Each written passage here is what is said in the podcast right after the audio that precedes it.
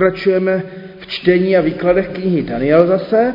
Máme před svou pátou kapitolu. Nebudeme ji číst celou, to by opravdu po zkušenostech bylo velmi náročné, ale přečteme to nejznámější, co je z té eh, páté kapitoly, prvních sedm veršů. Král Belšasar vystrojil velikou hostinu svým tisíci hodnostářům a před těmito tisíci pil víno – při popíjení vína poručil Belšasar přinést zlaté a stříbrné nádoby, které odnesl Nabukadnezar, jeho otec z jeruzalémského chrámu, aby z nich pili král i jeho hodnostáři, jeho ženy i ženiny. Hned tedy přinesli zlaté nádoby, odnesené z chrámu, to je z božího domu v Jeruzalémě. A pili z nich král i jeho hodnostáři, jeho ženy i ženiny. Pili víno a chválili bohy zlaté a stříbrné, bronzové, železné, dřevěné a kamenné. V tu hodinu se ukázaly prsty lidské ruky a něco psali na omítku zdi královského paláce naproti svícnu. Král viděl zápěstí ruky, která psala. Tu se barva králova obličeje změnila a myšlenky ho naplnily hrůzou. Poklesl v kyčlích a kolena mu tloukla o sebe. Král mocně zvolal, aby přivedli zaklínače, hvězdopravce a planetáře. Babylonským mudrcům král řekl, kdokoliv přečtete toto písmo a sdělíte mi výklad, bude oblečen do purpuru a na krk mu bude dán zlatý řetěz a bude mít v království moc jako třetí po mně. Mně se líbí ta kniha Daniel, tak jak ji máme i, i těmi kapitolami rozdělenou, že má obrovský spát a úžasnou dynamiku. Vlastně každá ta kapitola je jiná. A my se tou pátou kapitolou dostáváme do změněných politických poměrů. A e, víme to vlastně i z naší zkušenosti, že tak, jak lidé Eh, vytvářejí království a říše, tak oni prostě nevydrží a pořád se to stejně mění a vidíme to i konec konců teď a za našeho života. Takže vidíme změnu na trůnu novobabylonské říše, už nevládne Nabukadnezar, nebo Nabuchodonozor podle kralického překladu, ale Beltšasar, nejstarší syn Nabonidův. To je posledního oficiálního krále Babylonu. To znamená, že jsme úplně na konci té novobabylonské říše. Jo? A pak už nastala, nastal střih dějin. Belšasar vlastně nikdy nedosáhl na eh, titul krále, neboť žil jeho otec, který se vrátil z Babylonu z válečné výpravy v Arábii až po obsazení města nepřítelem. Belčasar byl tedy korunním princem, na kterém ležela prostě všechna odpovědnost za říši v době otcovy nepřítomnosti.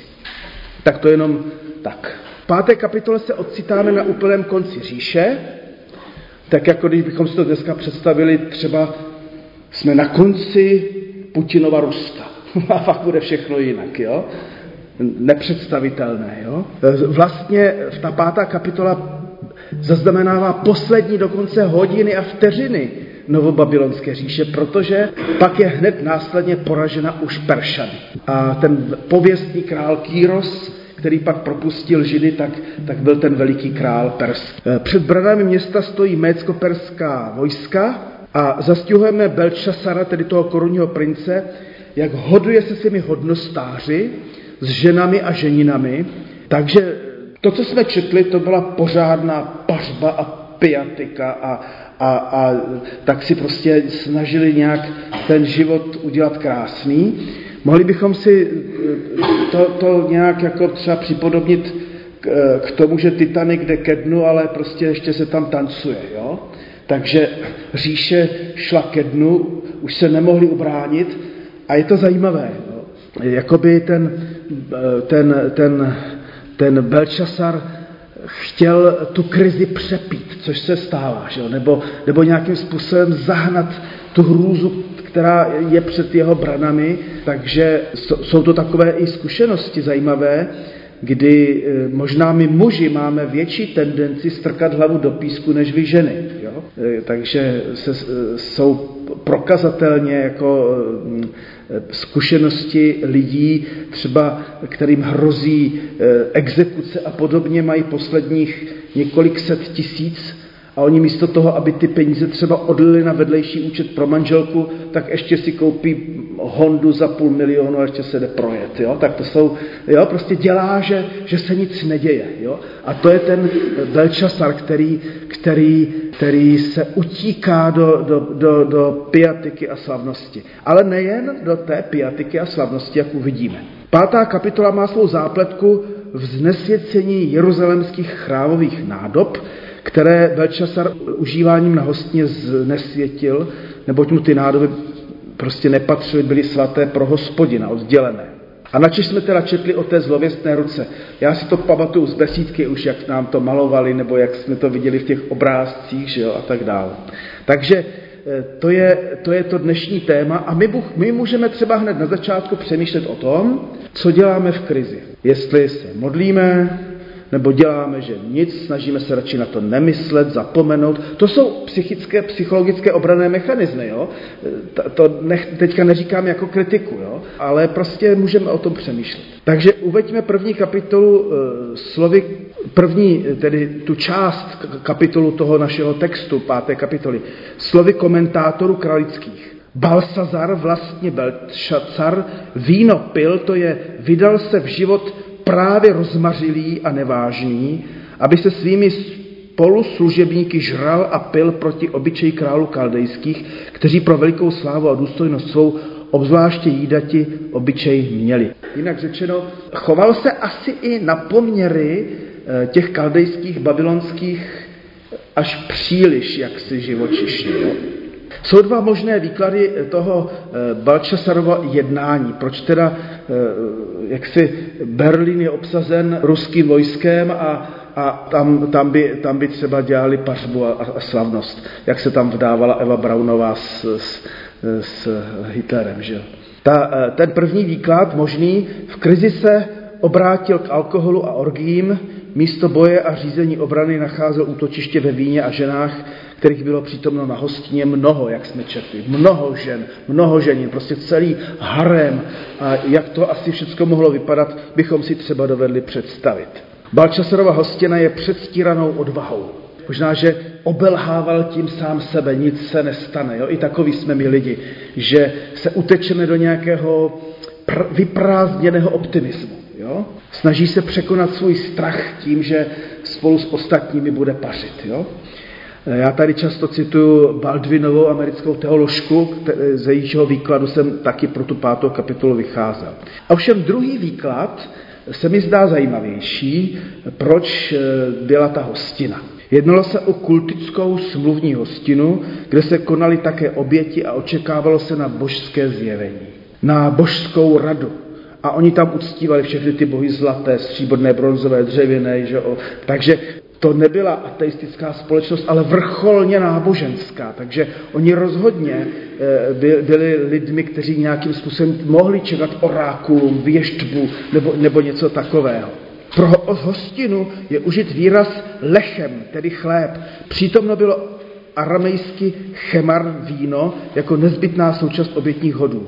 Navíc jsou zde ženy a ženiny patrně chrámové služebnice, možná také chrámové prostitutky a tak dále, eh, se kterými mohli konat tu eh, kultickou prostituci, eh, k uctění prostě bohů plodnosti a tak dále. Jo. Takže, a, a, ale nejen to. Zlaté a stříbrné nádoby z jeruzalémského chrámu měly proto největší, s největší pravděpodobností sloužit více než jenom k piatice, více než jenom k nějakému obyčejnému opilství, ale k pohanské bohoslužbě nebo modloslužbě. A právě to byl velký hřích toho Belčasara. Asi bychom si to mohli eh, jako eh, připodobnit tak, že to nádobí, které tady používáme pro večeři páně, bychom nepoužívali jenom proto, že bychom do něj lili chlast a ožírali se, ale používali bychom to třeba při uctívání nějakých, nějakých jiných božstev. Jo? Tak to, to by byla prostě větší nějaká odvaha něco takového udělat, nebo větší hřích. Takže ukázal před, především, že je to Babylon, který přemohl Boha hospodina, zároveň mohl očekávat, že podobně nyní jeho bohové pokoří i Médy a Peršany. A to si myslím, že taky tak mohlo klidně být, že tak jako někdy i v církvi se prosazovalo nebo prosazuje takzvané pozitivní myšlení a, a pozitivní vyznávání. I když všechno jde do kopru, tak budeme vyznávat, že, že, že, všechno je dobré, všechno bude dobré. Jo? Takový ten falešný náboženský optimismus, eh, to, to je takový vtip jeden, když bych si dovolil ho říct, jak přijde katolík baptista a eh, charismatik do pekla, jestli znáte. A katolik říká, no tak to je divný, já jsem přece pokřtěný jako dítě, chodil jsem na všechny bohoslužby už ráno na šestou, že jo, já přece do pekla nepatřím, jako co, co se děje, jo. A baptista říká, no já jsem byl, uvěřil jsem jako dospělý, pokřtěn ponořením správným způsobem, chodil jsem na bohoslužby, já přece jako do pekla ne, ne, nepatřím. A ten charismatik říká, já beru vírou, že tady nejsem tak prostě to tak jako může být, že člověk bere vírou, že popře tu skutečnost, která tady je. A tohle zřejmě mohl dělat i tady ten Belčasar, že dělal, že ti médové pršané tady nejsou, anebo že prostě bohové to prostě zruší a, a, a bude to prostě všecko jinak. A v tom se ukázala ta píšící ruka. E, pozoruhodné je, že onou ruku viděl jenom ten král sám, když to čteme pozorně, tak to bylo něco, co, co měl jenom on, on před očima. E, tady je to paralela i s farizem Saulem, budoucím apoštolem Pavlem, který taky jediný viděl světlo před tím Damaškem. Ostatní nebyli oslepeni. Jo? Jo, takže a ještě pozorhodnější je, že na pohanské hostině promluvil skutečný Bůh. A tady bych si řekl, že je to veliká naděje pro celý svět. Pohanský, jakýkoliv, pro všechny církve, katolické, církve bratrskou, charismatické, baptistické, nebo i pro nevěřící lidi ateisty, že Pán Bůh může promluvit kdykoliv, kdekoliv. Že boží řeč není vázána pouze tam na tu kazatelnu v velkém sále. Jo? A to si myslím, že je nadějné. No, teď už nebudu číst dál, když si budete chtít pak doma pročíst celou pátou kapitolu, tak můžete, ale od toho 8. po 16. verš čteme, že Daniel se opět objevil na scéně. Opakuje se vlastně to, co už jsme znali, že ten Nabuchodonozor, Nabukadnezar nebyl schopen si ani vzpomenout, co se mu zdálo, že jo, a teďka tam bylo to drama, tak se tam objevil Daniel. Teď se znovu objevuje už po třetí v knize je demonstrován strach babylonského panovníka a neschopnost jeho astrologických rádců to vyřešit. A po třetí se objevuje na scéně Daniel, aby vyložil znamení, které král dostal. Tentokrát nikoli ve snu, ale ve vidění na zdi. Do bezradnosti ale nejprve vstoupila královna, když bychom si to tam chtěli přečíst, tak eh, můžeme si vzpomenout třeba taky na královnu Ester, která věděla, že přijít před vládaře znamená riskovat život. Možná bychom si mohli vzpomenout na manželku Pilátovu, která varovala Piláta, aby si nic nezačínal s tím mužem nazareckým, že jo? Takže ženy často vidí dál. Možná, že i tato královna, která se patrně neúčastnila hostiny, věděla, co riskuje. Jednalo se nikoli o manželku Belčasarovu, ale nejspíš o maminku Belčasarovu. A přinesla vyděšenému synu dobrou zprávu o Danielovi. Jo? Takže oni nebyli schopni vyřešit to mene mene tekel ufarzint, a co s tím? A teď tato žena tomu svému synovi říká, ale je tady někdo, kdo by ti mohl jako pomoct. Jo? Možná, že i to je takové hezké z Bible, co nás může učit, že si můžeme vzájemně pomáhat a říct si, nevíme si rady, není to naše ostuda, ale víme o někom, kdo by nám pomoci mohl. Královna teda přinesla dobrou a nadějnou informaci do zoufalé situace.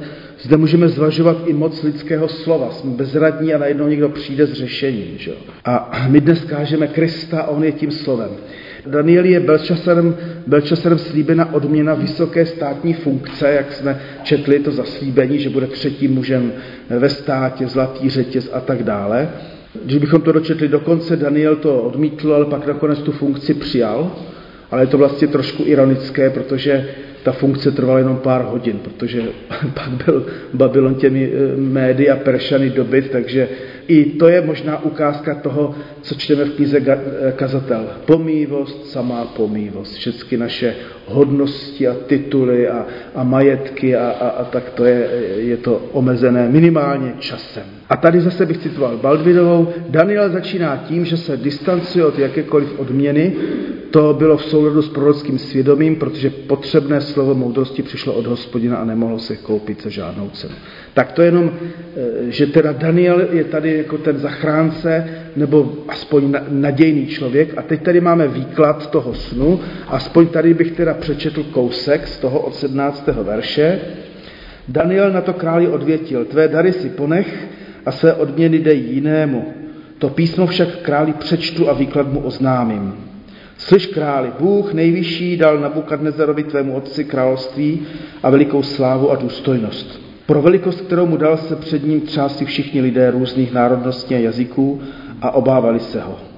Koho chtěl zabil, koho chtěl nechat žít, koho chtěl povýšil, koho chtěl ponížil.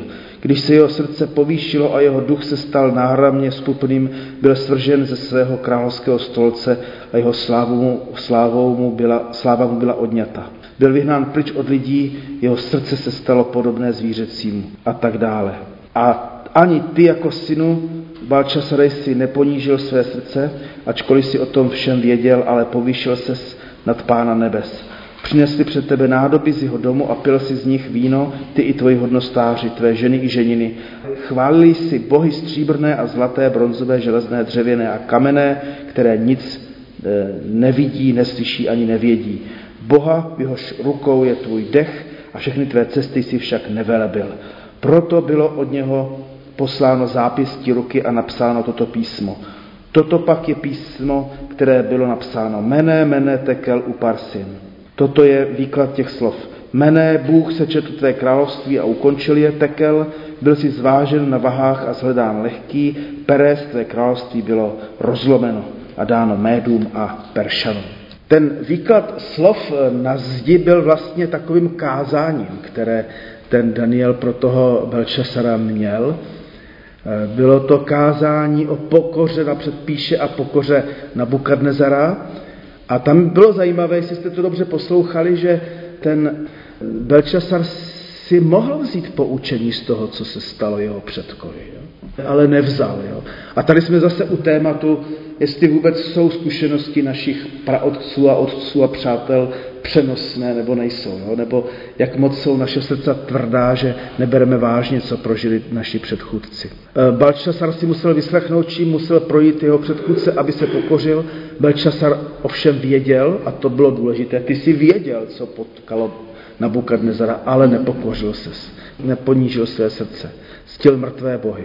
Tu můžeme uvažovat o tom, co všechno i my víme z Bible, ze svědectví o hospodinu a o božím jednání. Jo, zase, zase dokud máme paměť, tak si můžeme vzpomenout, co všechno víme o Bohu, co všechno víme ze zkušeností sester a bratří, jak Bůh s nimi jednal, protože to je řeč Boží pro nás. Jinými slovy, i to, co vy jste prožili a prožíváte, a to, co říkáte svým dětem a vnoučatům a vnukům, to je boží řeč pro ně. Jo? Oni to nevědí třeba, ani to třeba nechtějí slyšet, ale je to dobrá boží řeč pro ně. A ukazuje se na tom Belčasarovi to co, eh, to, co je dobré si připomenout, že nám většinou jako znalosti z Bible nechybí. A a konec konců ani nebudeme spaseni, protože jsme měli nějaké znalosti z Bible, jo? ale že prostě víme, co to je nezabiješ, nepokradeš, nesesmilníš a ctí otce svého a tak dál. Ale e, ten problém je v tom, jestli se pokoříme a budeme chtít jednat podle toho, co víme. To mené, mené tekel upar syn se četl, zvážil, rozdělil. Nejednalo se o neznámá hebrejská či aramejská slova. Byla to označení vach a mincí. Takže vlastně ten Belčasar měl před sebou e, něco známého, ale nerozuměl tomu, proč zrovna tam je, jsou tato slova. proto potřeboval ten výklad. On nepotřeboval překlad, jako z angličtiny do češtiny, ale potřeboval výklad toho. Proč mám před sebou zrovna sečetl, zvážil, rozdělil. Daniel onen výklad poskytl mene, Bůh sečetl tvé království a ukončil je, Tekel byl si zvážen na vahách a sledán lehký, Peres, tvé království bylo rozlomeno a dáno Médum a Peršanům. Zdá se, že Belčasar uznal Danielův výklad za hodnověrný, splnil svůj slib, oblékl Daniela do purpuru, na krk mu dal zlatý řetěz a prohlásil ho za třetího muže v království. Nicméně své srdce, zdá se, před hospodinem nepokořil a ještě té noci byl zabit. Tak to je jeden z dalších zajímavých pozoruhodných příběhů eh, z písma svatého, který nás může oslovovat. Tak, já jsem si vzpomněl na to, že tady každý rok se eh, konají ty festivaly eh, Menetekel, jestli jste to zaznamenali v Praze, festivaly proti totalitě, proti, proti zvůli moci. A v roce 2007 se uskutečnila zajímavá aktivita v rámci tohoto festivalu, kdy to místo, kde Klement Gottwald žvaněl, právě jsem se vrátil z hradu, že jo, jak, jak, jak tam ti komunisti jak si, si tu, tu moc urvali pro sebe, že jo, tak, tak Václav Malý a ostatní na tom paláci Kinském tak to jako symbolicky duchovně očistili jo? Od, od té komunistické totality, která tam jakoby uh, ulpěla na tom balkóně. Jo? A to je vlastně zajímavé v té souvislosti i toho té naší dnešní biblické hodiny, že jsou prostě že, že prostě potřebujeme eh, duchovní čistotu a že některé eh, věci jsou nedotknutelné a, a, a tak dál. A hlavně Málí pak pověděli, eh, že je mementem, že všechno je do času, tedy i ta komunistická vláda, všechny moci. A tak si můžeme vlastně uvědomit, že to, co se dneska děje na Ukrajině, je taky do času. Jenom Pán Bůh trvá na věky a my s ním